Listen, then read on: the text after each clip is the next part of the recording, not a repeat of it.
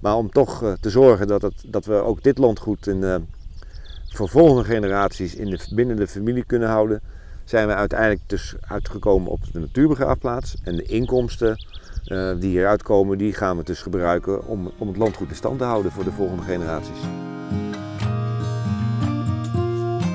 Buurtgenoten. Soms zijn ze hier geboren, soms zijn ze hier pas later neergestreken. Buurtgenoten zijn er in alle soorten en maten. Ze hebben allemaal een verhaal. En daar zijn wij naar op zoek. Welkom bij Buurtgenoot Radio. Nou, we zijn hier in een stralend bos op een late dag in mei. Het is uh, bij Elspeet. Het heet hier ook het Elspeterbos, landgoed het Elspeterbos. En uh, de bomen zijn uh, zo groen als het maar kan.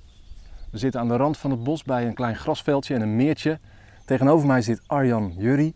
Hij is directeur van een bosbegraafplaats, een natuurbegraafplaats. Uh, welkom Arjan.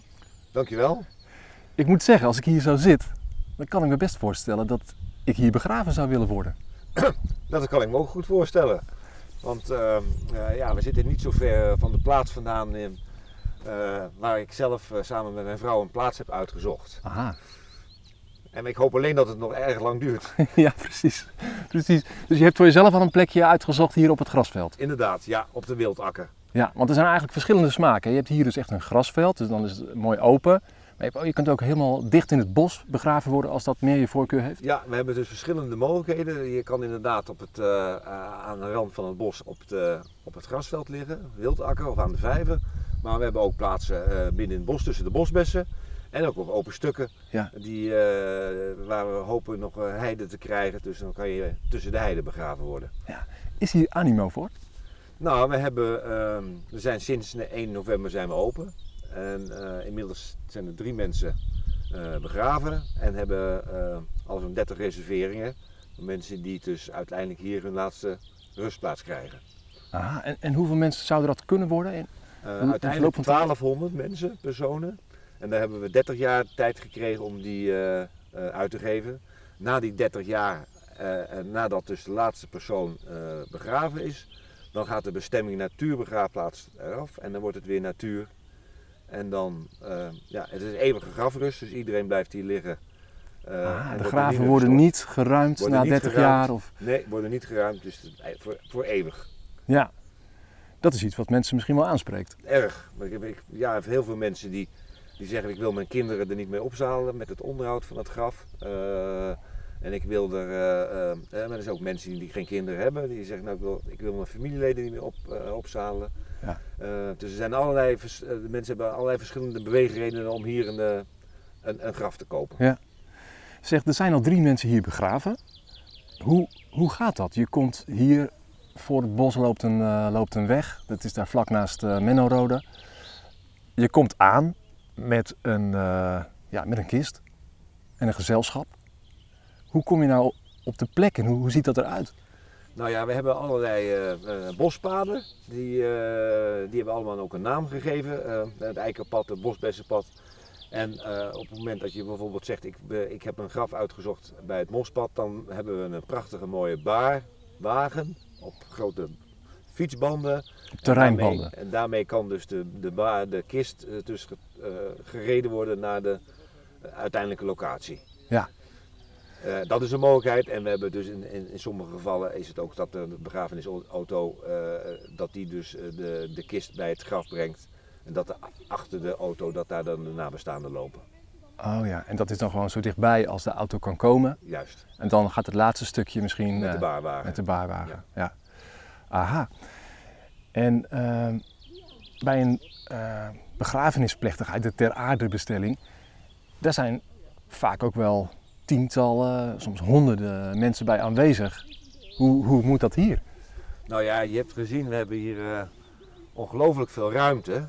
En, uh, ja, en, en, en, mensen kunnen dus over de paden lopen, dus het is, is voldoende ruimte. Dus zodra dat weer mogelijk is en dat corona-richtlijnen versoepeld worden, uh, zijn die van harte welkom. Aha, ondertussen zie ik hier op het veld een, een boswachterachtig type verschijnen.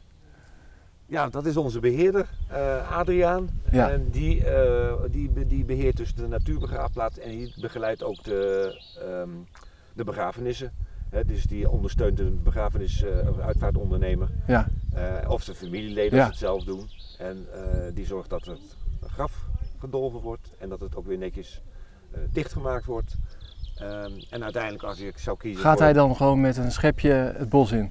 ja, nou, we doen het iets met, met, een, auto, met een kleine machine, maar eh, het, eh, de laatste hand wordt wel gelegd met de schep. Want graven in het bos, dat lijkt me best zwaar. Ja, dan, nou, het is zand natuurlijk, dus het, valt, het is geen klei. Dus het valt, dat valt wel Ja, mee. maar het zit vol met, met, met wortels en Ja. eh, stronken. Nee, maar daar, daar kan hij goed omheen graven, daar heeft hij geen last van. Oké, juist. En op zo'n dag heeft hij dan zijn groene pak aan of zijn zwarte pak? Nee, heeft hij zijn groene pak aan. Zijn groene pak. Ja. En zie je dat de kleding van de, de begrafenisgasten ook anders is in zo'n setting? Nou, ik moet eerlijk zeggen, ik ben er zelf nog niet bij geweest. Dus, eh, maar de men, ik heb wel de mensen eh, rondgeleid en, eh, nadat de persoon is overleden. En eh, ik denk dat, ze, dat, dat er toch wel eh, passende kleding, eh, dat ze passende kleding aan hebben, eh, gezien de, de hele, de hele omgeving hier. Ja, want je moet toch een beetje tussen de bomen door je doorworstelen af en toe. Ja. Tenzij je hier op dat prachtige veld ligt, wat heel open is. Ehm even terug naar, stel dat ik hier begraven zou willen worden. Ehm, dan kan ik dus een afspraak maken met u of met, met ja, uw medewerker. klopt. En dan ga ik gewoon op zoek, ergens in het bos, binnen het perceel waar ik, waar ik mag vinden, Ja. zeg maar, van dit lijkt mij een mooi plekje. Inderdaad. Nou, we hebben eh, op de website staat een overzichtskaart van de, van de natuurbegraafplaats. Ja? Eh, met ook mijn telefoonnummer erbij. Dus, eh oftewel ook een e-mailadres. Dus mensen, wat we zien is dat mensen vaak eerst zelf een wandeling hebben over de natuurbegraafplaats. Het bos, de natuurbegraafplaats is dus ook geopend van zonsopgang tot zonsondergang. Het is open Zeven voor dagen- iedereen. Voor iedereen, zeven dagen per week. Dus mensen die lopen dan vaak eerst zelf rond om een, eh, eh, om, om, een plek te vinden. En dan bellen ze mij op of Adriaan. Eh, en dan, ehm, eh, of, of Bernie die, daar, die ook eh, hier in de buurt loopt. Dus er is naast Adrian is er nog een derde medewerker. Ja, en dat is Bernie. En wat is zijn rol? En, Ber- en Bernie is een vrouw. is een En vrouw, Bernie- sorry. En Bernie doet dus de rondleiding en zoekt ook de graven uit met de mensen die, eh, die uiteindelijk eh, een, een graf willen kopen. Oh ja. En is het, het, het bedrijf, zal ik het maar even noemen, van de natuurbegraafplaats nog groter dan deze drie mensen? is niet groter. Dus de- daar blijft het bij. Behalve nog een assistent die helemaal eh, die helpt met alle grafovereenkomsten. En die dat allemaal goed vastlegt Oh ja, voor de toekomst. ja precies. Jongen, het is wel, het is wel bijzonder eh, dat, dat dit zo kan. Dat, dat fenomeen van natuurbegraafplaatsen, dat, eh, is dat nog heel nieuw? Nou, het is, een, eh, het is eigenlijk overkomen waaien uit Engeland. Engeland zijn er, dacht ik, meer dan 250 natuurbegraafplaatsen. We hebben in, in Nederland is de, was de eerste natuurbegraafplaats in, bij Apeldoorn in de buurt. En dat is nu eigenlijk de laatste 12 jaar zie je dat er een ontwikkeling is dat mensen eh, ja, toch meer terug willen gaan naar de natuur. Dus we hebben inmiddels 15 natuurbegraafplaatsen eh, verdeeld in Nederland. En dan natuurlijk dan met name eh, op, op die delen waar, het grondwater laag is. Hè, dus op de, op de Veluwe en in Brabant. Oké, ja. Dus dit, deze grond leent zich daar gewoon goed voor. Ja, want het grondwaterpeil is hier 30 meter. En ja, in het westen van het land is het natuurlijk, natuurlijk ja, liggen grote delen van, van, van Nederland liggen onder, Ja. onder het grondwaterpeil. Wat zijn nou de voornaamste redenen die je van zeg maar, die 30 eh, mensen die hier al gereserveerd hebben hoort om hier begraven te willen worden? Ik denk eh, allereerst de natuur, de rust. Hè, nou, je, je hoort het zelf, je hoort de vogels. eh, uiteindelijk toch, je komt uit, teruggaan naar de natuur. Maar ook wel, wat heel belangrijk is voor heel veel mensen, is de eeuwige grafrust. Mhm. mensen dus de graven niet geruimd worden. En maar ook het ontzorgen van, van familieleden dat ze hun kinderen of familie, overige familie niet opzalen met, met het onderhoud van het graf. Nee. En het laatste argument vraag ik me bij af. Dat is mooi, dan eh, heeft de familie geen, geen zorgen over het graf. Maar aan de andere kant kan ik me voorstellen dat de familie wel terug wil komen naar de begraafplaats om de persoon te gedenken. Hoe werkt dat hier? Dat kan, nou dat kan, want dus op, op elk, eh, Eh, we hebben dus op de natuurbegraafplaats geen stenen, maar we laten wel een, toe een houten schijf, een eikenhouten schijf waar je naam in komt te staan. En die wordt dan op het graf gelegd. En die kan eventueel nadat het na, na vijf of zes jaar vergaan is, kunnen we die vernieuwen als de familie dat wil. Ja, want, want dat heeft inderdaad natuurlijk een beperktere Ja. houdbaarheidsdatum dan een, eh, dan een grafsteen. Maar goed, die kunnen vernieuwd worden. Maar een grafsteen is geen optie? Geen optie. En waarom, waarom niet? Nou ja, dat is dus. ehm, dan, want dan kom je weer terug en eh, oorspronkelijk dan krijg je weer een begraafplaats met, met, met stenen. En dit is gewoon uiteindelijk natuurlijk. Dat eh, na die 30 jaar en dan als de laatste eh, begrafenis wordt het weer natuur. Dus uiteindelijk ehm, zie je niet meer dat hier mensen begraven zijn. Nee, nee. Ik vind het op een begraafplaats toch ook altijd wel iets hebben en ook wel iets respectvols hebben. Dat je toch elke keer even kunt zien, hier ligt die en die persoon. En ja, dat heeft ook wel iets moois, dat je dat nog ziet. Ja, maar dat kan nog steeds met de, met, met de houten boomschijf waar, de- waar dan de naam van de overledene op staat. Ja, dat is waar. Ja. En is er ook een soort online eh, grafmonument? Een online grafmonument. Wat bedoel je daarmee? Ik kan me zo voorstellen dat je op je website een, een, een, een kaart hebt waarin je zeg maar de, de, de punten markeert. En dat op het moment dat je daarop klikt, dat je wel degelijk even iets ziet van een herinnering aan die persoon. Dat hebben we nog niet. Maar het is wel een goede, goede opmerking. Daar kunnen we aan gaan werken in de toekomst.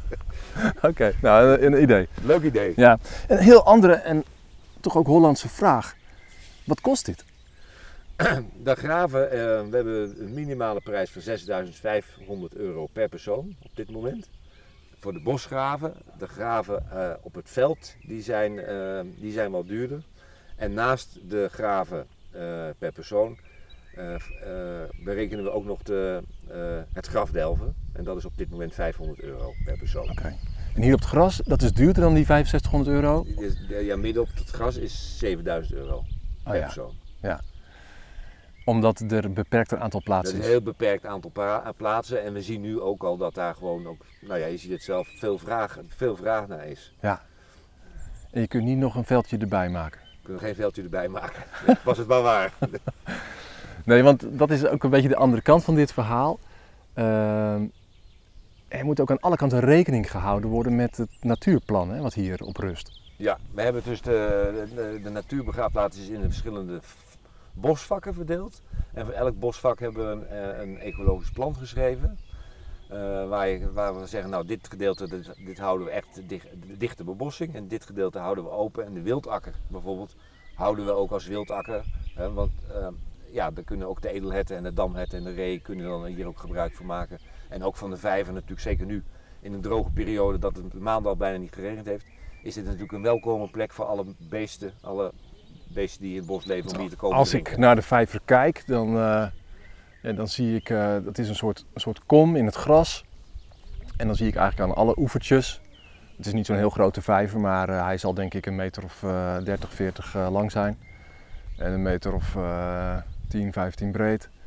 En aan alle kanten zie ik eh, inderdaad voetafdrukken van, van wilde dieren. Dat klopt. herten zijn dat waarschijnlijk. Edelherten en damherten. Edelherten en damherten. Ja. Dat, is die- dat, dat heeft wel een heel idyllisch gevoel. Ja, nou ja, en die komen hier ook gewoon naast dat ze drinken, eh, eten ze van het gras en van de roggen die we ingezaaid hebben. En, eh, en, die, en die lopen dan ook s s'nachts over de hele eh, natuurbegraafplaats.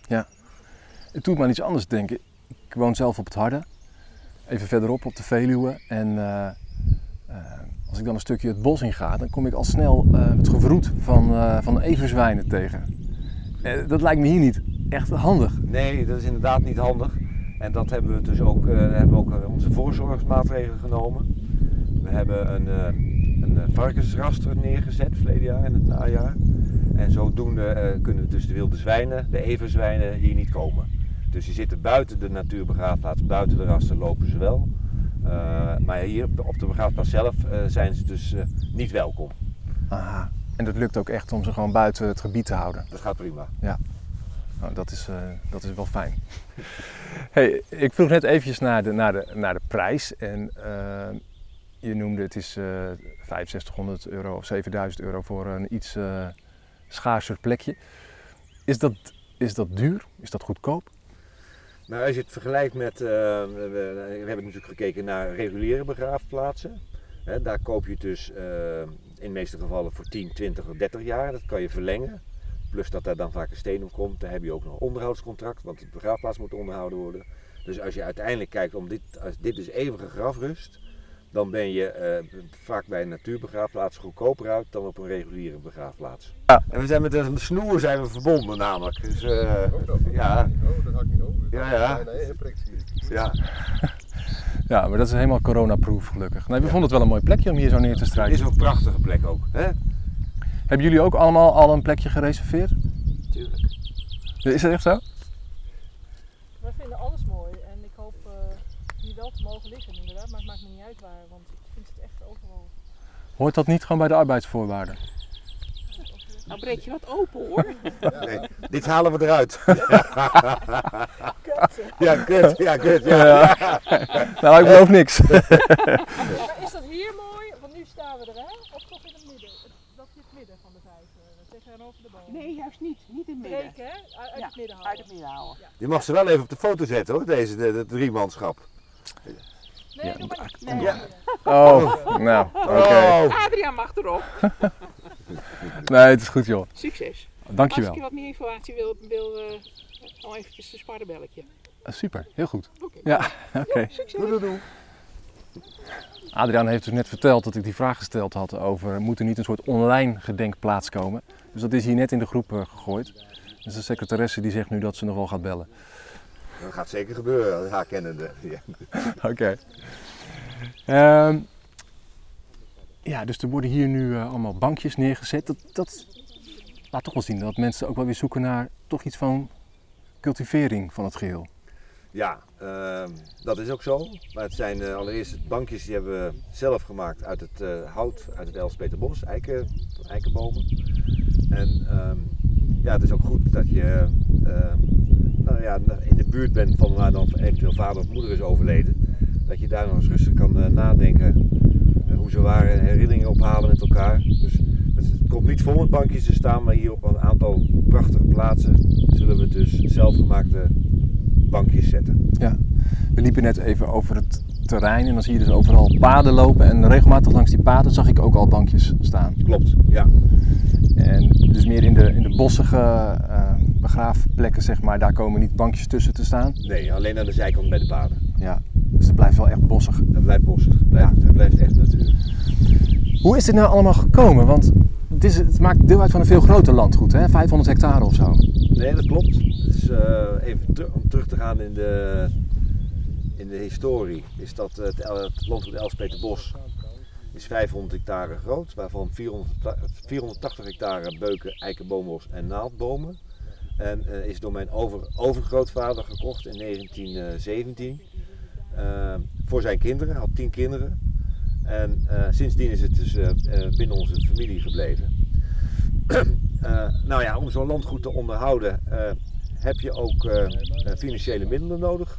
Gedeeltelijk komt dat uit eh houtopbrengsten en dat eh, pachten van, eh, van landbouwgrond.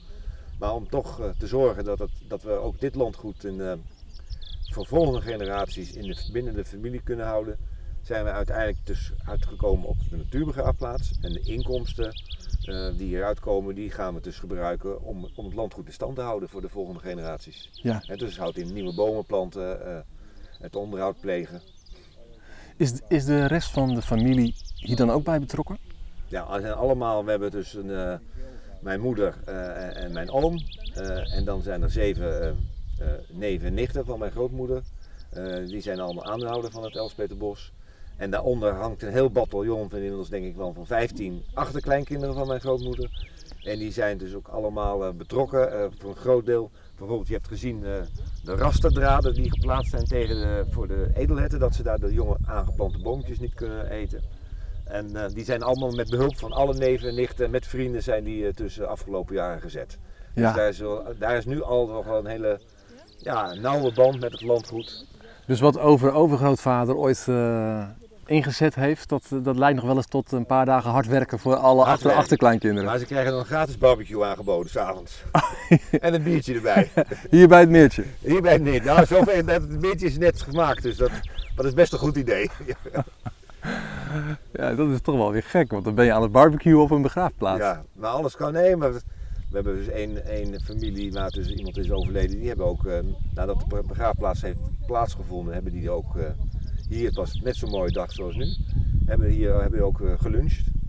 en hebben de overleden persoon ook herdacht. Oh ja.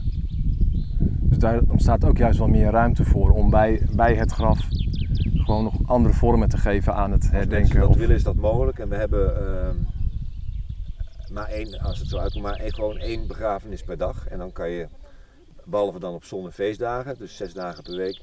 En dan kan je uitkiezen of, dat- je dat 's ochtends vroeg wil doen, of 's middags of 's avonds, ook in de zomer. Eh, om een uur of zeven s'avonds. Nou ja, mooi. Hoe kan, mooi kan dat zijn hier? Oh, prachtig inderdaad. Die over-overgrootvader, ehm, kwam die hier uit de buurt? Die kwam hier niet uit de buurt, die kwam uit eh, Rotterdam. En, Utrecht. en hij woonde in Utrecht en, eh, en, en eh, gedeeltelijk Rotterdam en gedeeltelijk in Utrecht. En die man die kon dus zich veroorloven om 500 hectare Veluwe te kopen. Ja. Dat, was hij rijk geboren of heeft hij dat Nee, vermogen zelf rijk. opgebouwd? Hij, was- nee, hij heeft hard gewerkt Ja. en hij was kolenboer. Maar Ja. in die tijd natuurlijk was kolen, hadden we nog geen olie. ja. Misschien kwam dat net, dat weet ik eigenlijk niet. Maar de, de, hele, de hele economie eh, ging op kolen. En eh, ja, was blijkbaar een handige kolenhandelaar. En eh, kon dus een deel van zijn vermogen kon hij dus in dit prachtige bosgebied stoppen. Had dat ook wel iets te maken met het rooien van bomen die weer kolen zouden gaan worden? Of dat helemaal niet? Ik heb geen idee, maar het zou best kunnen. Want het was natuurlijk eigenlijk zijn grondstof dit.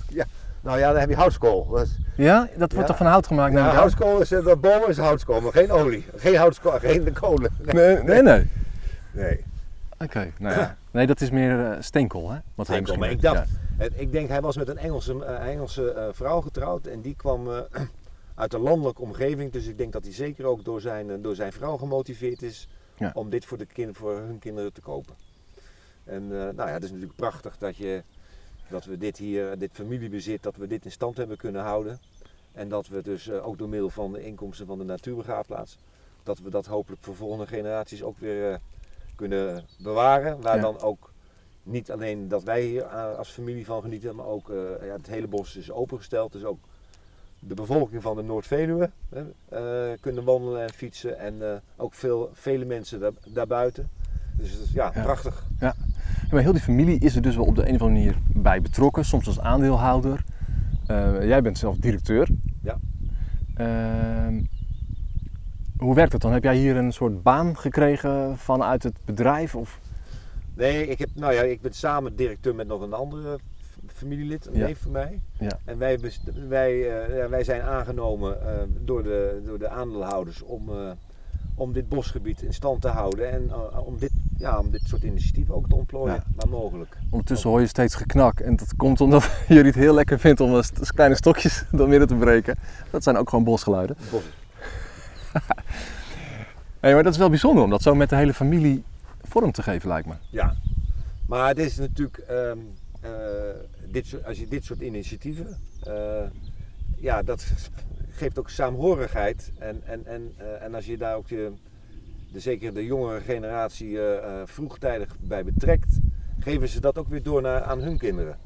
Ja. Eh, en je zal zien binnen een familie dat de een heeft meer iets met het wandelen in het bos en de ander meer met het, het, het fietsen. Maar zo heeft iedereen een bepaalde voeling. we hebben nu gezien, we hebben een, een eh, familiehuis. Wat ook door mijn overgrootvader gebouwd is in 1920. Nou, je zit dus nu in tijden van ehm, Hier op het landgoed. hier op het landgoed, tijden van corona, is het dus eh, ja, volledig bezet. En, eh, en, en, en zijn dus neven en nichten eh, ehm, ja, maken daar gebruik van. Ja. Als aparte gezinnetjes of gaan ze ook nog bij elkaar? Nee, ook bij elkaar. Zitten ook broers en zussen zitten bij elkaar. Oh ja. Ze hebben dan weer geen kinderen, maar ze zijn dan vaak net werkend en eh, ja, doen hun werk vanuit Elspet. Oh ja, ze, ze komen dan een poos hier in het, in het eh, familiehuis. Ja. En ze wonen en werken daar dan in die tijd. Ze wonen en werken daar. Ja, nu met corona natuurlijk. eh, dat is thuiswerken sowieso het credo. Dus ja, of ze dan eh, in Amsterdam eh, op, op, op een appartement zitten of dat ze hier in het familiehuis zitten. Jullie gaan gewoon in het familiebos. In het familiebos en samen gaan ze wandelen of hardlopen. Of... Ja. Hey, en ehm, die familie die, die komt ook allemaal uit Utrecht, Rotterdam, die wereld? Of is dat... Ja, nou, de meeste komen nu uit Rotterdam, eh, Utrecht en Amsterdam. Oh ja, Dus wel uit de, een uit de grootstedelijke steden. familie. Maar ja, je bent hier tegenwoordig natuurlijk binnen, Ja. binnen 35, 40 minuten. Ja, ietsje langer, want we mogen niet zo hard meer rijden, maar 40 minuten ben je hier. Eh, Moet ik me nou voorstellen dat de mensen die hier begraven worden en zullen worden, dat dat dus mensen zijn hier van de Veluwe of eh, eh, ik kom uit Elburg, ik maak de buurtgenoot voor Elburgers en Oldenbroekers en mensen uit het Harde. Zijn dat mensen die hier begraven zouden kunnen worden of moet het echt mensen uit Elspet zijn? Nee, nee. eh, eh, mensen zijn eh, uit heel Nederland natuurlijk welkom. Maar de kans dat je uit, uit, als je in Maastricht woont, dat je hier begraven wordt, is schat ik niet erg hoog in. Maar je ziet dus de mensen die hier nu begraven zijn. En ook de mensen die inmiddels hier een graf hebben gereserveerd. Die, die voornamelijk vanuit de, voornamelijk Noord-Veluwe. Dus Zwolle tot, tot Amersfoort, Putten, Zeewolde, Flevopolder. Eh, dus je ziet een vrij grote regio die, eh, die hier al een graf. eh, en, maar ze hebben allemaal wat, dat is wel interessant. Ze hebben allemaal wel wat met die, die Veluwe. Ze, ze vinden het mooi om op de Veluwe te fietsen of te wandelen. Ehm, ja, en vinden de natuur prachtig. Dus het zijn eigenlijk altijd wel mensen die, die in hun leven nu gewoon houden van de natuur hier. Ja. Ja, dat is ook logisch dat je Ja. dat dan als een laatste, laatste plekje bedenkt. Maar dit is niet iets wat je heel last minute zou kunnen doen, denk ik. Er is iemand overleden en dat heeft je overvallen. En opeens denk je, toch zou ik hier wel begraven willen worden. Nou, die mogelijkheden die zijn er nu nog wel, want we zijn natuurlijk net gestart. Ja, We hebben dus een aantal plaatsen inmiddels zijn gereserveerd. Eh, dat zijn vaak wel, de, eh, er zijn natuurlijk ook wel vaak de mooiere plaatsen. Hè? Dus, eh, dus als iemand overlijdt, is hier nog voldoende ruimte om een plaats uit te zoeken. Maar als je echt specifiek een bepaalde zegt, nou ik weet dat ik naar een natuurbegraafplaats ga. hè, en, en eh, weet dat ik naar de natuurbegraafplaats Elspeth zou willen gaan. Ja, dan is het verstandig om dat vast te reserveren. zijn er ook mensen die falikant tegen zijn op dit verschijnsel? Die zijn er ook. Er zijn ook mensen die, eh, die tegen natuurbegraven eh, zijn. Die, eh, die zeggen ja, eh, je brengt dus toch, eh, vaak mensen die hebben een kunstheup of, een, eh, of hebben een bepaalde ziekte, hebben medicijnen gekregen. Die zeggen ja, dat breng je dan allemaal in de bosbodem. Nou, er zijn heel veel onderzoeken gedaan uit, ehm, uit Wageningen. En, en daar blijkt dus dat de effecten van natuurbegraven, met name medicijnengebruik, dat die eh, verwaarloosbaar zijn. Dat dus die effecten op de bodem, Mhm. eh, en- en- dat die er niet zijn. Ja, de kunstheup die blijf je houden. Dat is de- Ja. Maar er is een groep die daar tegen is. En, en laten ze dat weten? Nou, dat, dat laten ze op, op internet kijken, dat laten ze weten. Maar het is niet zo dat ze hier met spandoeken tegen zijn. Dus, eh, maar Ja. er zijn, zoals dat met heel veel dingen in het leven, je hebt altijd veel mensen die zijn voor iets en die zijn tegen iets. En dat is ook goed, dat is ook de democratie waar we in leven. En Ja. ehm, dat houdt iedereen ook scherp. Want eh, mensen zijn misschien ook bang van ligt straks elk bos vol met, eh, met onze doden. Ja, dat was een van de redenen, maar daar heeft de provincie Gelderland, en daarom heeft het voor ons ook zo lang geduurd, die ontwikkeling, eh, heeft, hebben we daar een, eh, eh, jaren over gedaan om een goede beleidsnotitie te maken, beleid eh, over natuurbegraven, zo, zoals eh, eh, in, dit, in ons geval. eh, eh, moeten we ook wat terug doen voor de samenleving. Hè? We moeten eh, eh, voor die 14 hectare natuurbegraven, voor die 1200 graven, moeten we 25 hectare eh, naaldhout omvormen naar loofhout. Dus we moeten 100.000 boompjes planten. Ja. Dus de, Gelderland heeft dat, eh, eh, ik denk, heel goed ingebed. Dat daar niet op elke hoek van de, van de straat een natuurbegraafplaats kan komen. Ja, ja, dus het is wel heel erg ingeperkt waar dat dan kan gebeuren. Inderdaad. En je geeft zelf ook al aan natuurlijk, er zijn bepaalde gronden helemaal niet geschikt voor. Ja, er zijn gronden waar natuurlijk ehm, eh, waar, waar de waterstand zo hoog is, waar natuurbegraven niet Ja. mogelijk is. Ja, dus maar de meeste grote bosgebieden zijn natuurlijk al meer die zandgronden. Dat zijn meer de zandgronden. Ja. Ja. Het is, een, eh, het is een wel een bijzondere, bijzondere plek om hier, zo, eh, om hier zo te zijn. Zo tussen de, tussen de bomen. Het, zal toch wel een ander gevoel zijn als hier straks duizend, ja, over 30 jaar, duizend mensen begraven liggen.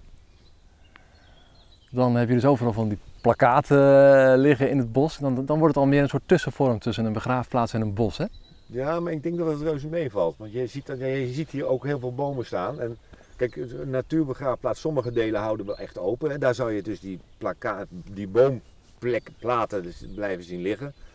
Eh, maar je ziet ook op heel veel andere natuurbegraafplaatsen dat mensen die zeg maar tien jaar geleden daar begraven zijn, daar is dat plakkaat verdwenen en wordt, daar, wordt het dus niet meer op prijs gesteld om daar iets op te leggen. En dat, dat, dat, dat verdwijnt dan gewoon tussen, de, tussen ja. het gras of tussen de bosbessen. Ja, Dus je zal uiteindelijk ehm, zien dat dat wel meevalt. En plus dat het natuurlijk ook dat we hier ehm, ja, gro- een grotere oppervlaktes hebben voor graven. Dus het is niet Ja. zo dat, eh, dat mensen om de twee meter dat er een graf ligt. hè. Het is plus minus Ja. 36 vierkante meter voor twee graven. Hè. Dus mensen liggen ruim. Dus ik denk dat dat nog wel mee gaat vallen. Mhm. Dus je verwacht toch wel dat die, eh, dat die houten plakkaten misschien een paar keer vernieuwd worden, maar na verloop van eh, een, paar decennia dat dat toch wel gaat ophouden. Dat denk ik wel. Dat Ja. zie ik ook aan mijn eigen schoonmoeder. Ja, in het begin ga je daar vaak naartoe, maar op een goed moment ja, vervaagt dat toch. Je schoonmoeder ligt ook op zo'n natuurbegraafplaats. Nee, die, die, is, die is 20 jaar geleden overleden. Dus die ligt niet op de. Daar hadden we nog geen natuurbegraafplaats. Nee, je bedoelt ook op een gewone begraafplaats Ja, zie je dat gebeuren. Ja, Ja, dat het toch een beetje in de vergetelheid raakt of ja. minder de behoefte ontstaat om daar naartoe te gaan. Toch hebben jullie, eh, ehm, vroeg dat net even over dat eh, online herdenken en daar zijn jullie nog niet helemaal, maar er is wel een heel geavanceerd systeem met eh, satellietcoördinaten. Hè? ja dat klopt. Eh, als je hier, we hebben dus ehm, de graaf uitgezet met nummers en met coördinaten eraan. Ja. En je loopt, hier door, je loopt hier door het bos en je zegt, nou dat is een mooie plek. Dan, dan kijken we dus op de kaart wat, wat het dichtstbijzijnde punt is. En dan met, de met een apparaat eh, voeren we het coördinaat in. Via de satelliet kunnen we dus ehm, op 2 centimeter nauwkeurig op het middelpunt komen van het uitgezette graf. Ja. Dus als hier straks eh, een beroemde eh, miljonair begraven wordt en over 50 jaar is er een, een vermeend kind dat zegt toch echt erfgenaam te zijn en er moet nog eens een keer iemand opgegraven worden, Kunnen we precies vinden. dan is dat te doen. Dan is het te doen. Ja. Oké, dat is ook goed om te weten. Maar dat is wel weer, dat vind ik grappig, want dat klinkt wel heel geavanceerd. Hè? Ik, jullie lieten net ook een kaart zien en dan heb je eigenlijk allemaal punten en het he- heeft al die coördinaten van die, eh, van die satelliet die staan daar perfect op. En zo is dat hele gebied toch ontzettend goed in kaart gebracht. Ja. Maar ja, dat is ook nodig, want het is natuurlijk het is niet de bedoeling dat als we natuurlijk eh, iemand is overleden en dan 20 jaar later begraven de volgende persoon eh, daar in de buurt, dat we dan op het, op het graf uitkomen. Hè? Dus het is Ja. nauwkeurig, op het moment dat er iemand begraven is, worden naast het middelpunt van het graf worden er ook de, hoek, hoek, de hoeken van, de, van het graf uit, eh, in coördinaten gezet. Dat we nooit dus eh, Ja. eh, in de nabijheid komen van, het- van de persoon die al overleden is. Ja, en de hoeken is dan van het perceeltje waar die persoon Ja, ligt. dus de hoeken van, de, van, de, van het graf, van de, waar de kisten ingegaan Nou ja, ja precies. En, verwacht je nu dat het gaat lukken om eh 1200 mensen hier te begraven in de komende 30 jaar? Dat denk ik zeker. Ja? Kijk, ik ben altijd optimist, optimist maar eh, zoals het nu gaat en de, de, de, de vele reacties, eh, niet alleen van mensen uit de gemeente Nunspeet, maar ook van wat ik al zei van de, van de Flevopol en, en de Veluwe, denk ik dat we deze plaatsen, eh, dat we die relatief snel kunnen verkopen. Hoe vind je nou dat je in deze business bent beland? Goeie vraag. Ja, ik had er natuurlijk, als je dit had gevraagd tien jaar geleden aan me, had ik gezegd ja, eh, ja, nooit aan gedacht. En ik moet nu zeggen, als je zelf zo'n plan hebt en dat samen uitwerkt met je familieleden, met je mededirecteur. En dat je dan uiteindelijk ziet wat, wat je ervoor gekregen hebt. Prachtige, de prachtige locatie waar je begraven kan worden. Ehm, en ook ehm, de rondleidingen die ik doe met mensen de contacten die je eruit krijgt, ook met de mensen, eh, de nabestaanden, ja, is dat heel waardevol en eh, ja, een verrijking in mijn leven. Je bent blij dat dit zo op je pad gekomen Ik is. ben blij dat het op mijn pad gekomen is. Want ehm, wat, wat deed je hiervoor? Eh, nou, hiervoor, het- ik doe nog naast de begraafplaats, eh, beheer ik een aantal landgoeden voor, voor eigenaren. En, ehm, nou ja, dat, en dat doe ik in Nederland, maar dat doe ik ook in het buitenland. Dus dat houdt me behoorlijk van de straat. Dus je beheert landgoederen voor eigenaren in Nederland en in het In het buitenland. buitenland. En de- dat is iets Dat wat is je al, rentmeesterschap. ja, dat is iets wat je al heel lang doet. Dat doe ik al heel lang. En, da- en daar ben je ingerold omdat je zelf zo'n landgoed eh, ja, hebt te beheren. Wel. Ik heb eerst, eerst bij een grote oliemaatschappij gewerkt. En toen van, heb ik nog een rozenkwekerij gehad, tien jaar. En toen langzaam ben ik hier zo eh, terecht, terecht gekomen. En wat moet ik me daarbij voorstellen? Het rentmeesterschap van een, eh, van een landgoed van iemand in, eh, wat is het dan? Duitsland, Frankrijk? Ja, of is het in nog... Engeland bijvoorbeeld. ja? Nou, dat houdt dus in, daar, daar, is- dat is, is ook landbouwgrond en zijn ook bossen. Dus daar moet, ook, daar moet beheerd worden. Er wordt er ook houtoogst, eh er worden landbouwgronden verpacht. Ehm, eh, dus die, ja, daar- uiteindelijk eh, gaat het een eigenaar om het instandhouding van zijn bezit. En eh, nou, ja, daar probeer ik voor te zorgen. Oh, ja. Samen met dan de eigenaar. En hoeveel van die landgoederen heb je in je portefeuille? Op het ogenblik vier. Vier, ja. Hoe, hoe komt dat naar je toe? Ja, dat is, je ontmoet mensen. En dan zeg je, ik heb een landgoed en ik Nou ben het ja, en zo aan het doen. Het andere is, eh, hoe kom je bij mij? Ik, Het is, eh, het is gewoon via netwerken en, eh, en ook informatiebijeenkomsten, dat je dus in contact komt met, Ja. met die mensen. En maar je beheert dus een landgoed in Engeland. Dat is best ingewikkeld. Je bent daar... eh, er zijn andere regels dan hier Ja, in Nederland. Dat is juist het uitdagende. Dat vind je juist mooi. Dat is het mooie. Dus een Ja. uitdagende Engelsman, die is natuurlijk toch weer hersteld eh, en de wetgeving is anders. De, de, eh, de allerlei regelingen zijn anders. Dus is dat de uit- de uitdaging om Ja. in een ander deel van de wereld ook werkzaam te zijn. Want je hebt er überhaupt nog veel meer private landgoederen, denk ik, hè, in Engeland. In Engeland is er natuurlijk ongelooflijk veel. Ja. En Engeland is natuurlijk een heel groot land, dus dat veel meer ruimte dan in Nederland. En heel veel eh, ja, prachtige landgoederen. En ga je daar vaak heen? Eh, voor de corona wel, maar dat is nu even, dat is even nu gestopt. Ja. Ja, nou vaak is het één, één keer in de twee maanden. En doe je dat, opereer je daarin zelf of heb je daar een team van Er medewerkers? zijn mensen die daar, die daar eh, zeg maar, of in dienst zijn van de eigenaren, of die we inhuren. Ja. Die, we- die we dan inhuren om bepaalde activiteiten uit te voeren. En, en jij coördineert, managt dat geheel. Inderdaad. Ja. Dat is wel een heel bijzondere, Ja. bijzondere baan. En er zijn ook nog in een ander buitenland dan Engeland. Nee, alleen Engeland Alleen Engeland en in Nederland. en in Nederland. Ja. Jongen, en ehm, is dit dan, wordt dit dan een soort eh, proeftuin voor de andere landgoederen? Heb je nu het, eh, Nou, het gat in de dat- markt? Ja, ik denk dat het gat in de markt is. eh, We moeten, kijk, er komt best veel bij kijken. Hè. Eh, nou, om een idee te geven, we hebben nu die, die boompjes geplant, hè, die 20, 25.000 eiken- en beukenboompjes. Ja. Nou ja, we houden ons hart natuurlijk vast nu wat er met de, eh, de droogte. Ja. Hè. Dus we moeten kijken, gaan we water, gaan we geen water geven? Eh, zo zijn er natuurlijk allerlei, eh we zijn afhankelijk van de natuur. Dus daar komt best bij de inrichting van zo'n natuurbegraafplaats komt best veel bij kijken. En, dus ik, ik, ik concentreer me nog even voorlopig op deze begraafplaats. Om dat in goede banen te leiden. En, eh, ja. en eh, ook om proberen om eh, zoveel mogelijk mensen hiermee in aanraking te brengen. Ja. En, dus dat, daar ben ik even mee Ja. bezig. Dat laatste wat je noemt, mensen hiermee in aanraking brengen. Hoe doe je dat? Hoe weten mensen dat, dat dit een optie is? Nou, wij hebben dus eh, eh, eh, hopelijk ook door jouw interview natuurlijk, hè, dat mensen horen over het bestaan van de, van de begraafplaats. Want we zijn natuurlijk, we zijn pas in november begonnen. Dus we zijn bezig verder met het benaderen van, van uitvaartondernemers. Om hen te wijzen dat wij, dat wij hier zijn. En een van de dames die je hebt gezien, die geeft dan ook rondleidingen aan de uitvaartbegeleiders. Om op de mogelijkheden te, te, uit te leggen wat, wat er hier mogelijk en niet mogelijk is. Ehm, en dan hebben we mijn zoon, dan, dus om even de, de, de volgende generatie, die heeft eh, een Facebook-account eh, gemaakt. En inmiddels hebben we 470 volgers. Nou, netjes. Ehm, nou ja, zo, zo zijn we dus op alle fronten. Eh, we, zijn, we gaan open dagen organiseren begin juli. Als dat allemaal, als dat allemaal kan binnen de huidige richtlijnen van de RIVM. hoe, hoe zou dat er dan uitzien, een, een open dag? Een Corona-proof. open dag is een rondleiding. Hè. We organiseren dus. We, we, ehm, het idee is om dan in kleine groepjes eh, eh, eh, over de natuurbegraafplaats te lopen. Ehm, om dan uit te leggen wat, wat, wat de natuurbegraafplaats is, wat het Elspeterbos is, hoe, natuur, hoe natuurbegraven te werk gaat. En, ehm, en eindigen dan hier in het overdekte oude wildobservatiepunt, waar we dan een kopje koffie of een kopje thee drinken. Of, Ja, want er staat hier inderdaad een soort, soort open boshut van hout, dakpannen erop. En er staan een paar bankjes eh, in. Bij elkaar zal het, een, eh, wat zal het zijn?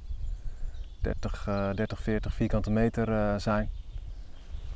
En daar eindig je dan tijdens zo'n zo'n open dag. En heb je ruimte. Want als het een regenachtige dag wordt bijvoorbeeld, kun je eventjes droog staan. Kan je even, ja, ja, dat is de natuur, dus je moet wel sowieso goede schoenen meenemen en een paraplu. Ja. En maar zo proberen we dus de natuurbegraafplaats Elspet de Bos ja, eh, ehm, onder de aandacht te Ja. brengen. En dat probeer je dan op veel, veel plekken aan te kondigen op de Facebookpagina van je zoon en, eh, Inderdaad. en dat soort ja. plekken. ja. Zodat mensen eens kunnen komen kijken. Want Ja. voor veel mensen is dit denk ik toch nog iets heel nieuws hè? Eh, nou ja, het het- het- dat is ook zo. Zeker de Noord-Veluwe. We hebben natuurlijk geen natuurbegraafplaats op de Noord-Veluwe. Eh, maar goed, in, in, in andere delen van het land, zoals in Brabant, daar zijn er dus al eh, inmiddels eh, ja, drie of vier natuurbegraafplaatsen. Dus die zijn er al wat langer. Maar het is nog wel een nieuwe ontwikkeling. En eh, Ja. nou, ja, je ziet dus ja, dat eh, eh, er gaan ook steeds meer, meer mensen over deze mogelijkheid Ja. schrijven. In kranten en in tijdschriften. Dus het is, het is, het is, het komt. Het komt op op dit Komt moment. En, en, en het past dus ook wel bij de Veluwnaren, denk je? Dat denk ik zeker. Ik denk dat het voor een Veluwenaar die natuurlijk toch aan de rand van de weilanden of aan de in de bossen woont, dat dat zeker past. En, eh, en ik denk ook de eeuwige grafrust. Dat dat Ja. voor iemand, eh, dat dat voor mensen heel belangrijk is. Ja. Want de eeuwige grafrust, hoe is dat in een normale ehm begravenplaatssetting? Wordt dat nog wel ergens gegarandeerd? Of? Nou ja, normaal, bij een normale algemene begraafplaats heb je dus eh, termijnen, 10, 20, 30 jaar. En die termijn die kan je dan eventueel verlengen. Dus de namenstaanden kunnen die verlengen. Eh, maar als je dat dus niet doet, dan, dan, ja, dan word je op een goed moment geruimd. Dan wordt het, ja, het graf wordt eh, le- leeggemaakt. Ja, dus dat is wel iets wat, eh, wat veel mensen van de Veluwe misschien juist aantrekkelijk vinden. Ja. Ja. Maar natuurlijk ook de prachtige natuur. Om dan uiteindelijk dan toch te begraven te worden, heb, heb je in je eigen deel van het land waar je, waar je lang gewoond hebt. Ja, ja. Hoe is het met mensen die gecremeerd worden? Nou, dat kan ook. Tenminste, die, de, ur- de, de, die mogelijkheid is, bestaat hier ook, dat de urnen dus eh, eh, ook bijgezet kunnen worden. Eh, misschien denk ik ook wel goed om te vertellen is dat dus zowel bij begraven als bij urnen, dat het allemaal biologisch afbreekbaar moet zijn, de materialen, hè, dus de kist en de kleding. En, hè, dus dat is, eh, nou ja, die richtlijnen die, die geven we mensen ook mee op het moment dat ze Mhm. dus een graf kopen. Ja. Hè, het is maar een urn, het, eh, een urn is mogelijk. Ja, en gaat, eh, eh, is dat op een begraafplaats, is dat dan vaak een kast of zo? Hier is dat ook gewoon, gaat ook onder de, grond, in de bodem? Ja. Dus niet één uh, urnenboom? Niet één. Het is gewoon per. Dus weer heb je weer dat, zeg maar, die, die grote oppervlakte en daar komt Ja. dan de biologische urn Ja. met het as erin.